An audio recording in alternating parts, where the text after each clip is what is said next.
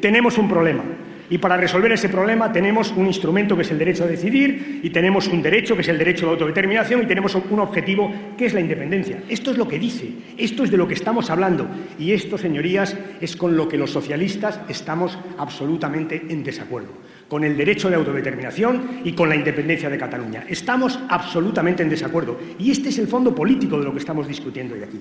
Absolutamente en desacuerdo. Con el derecho de autodeterminación. No estamos de acuerdo. Mire usted, no figura en ninguna constitución del mundo, no figura como derecho de autodeterminación y es bastante fácil de entender. Es que el derecho de autodeterminación aplicado a Cataluña o cualquier comunidad autónoma supone algo así como en el momento que se quiera y como se quiera Cataluña abandona España.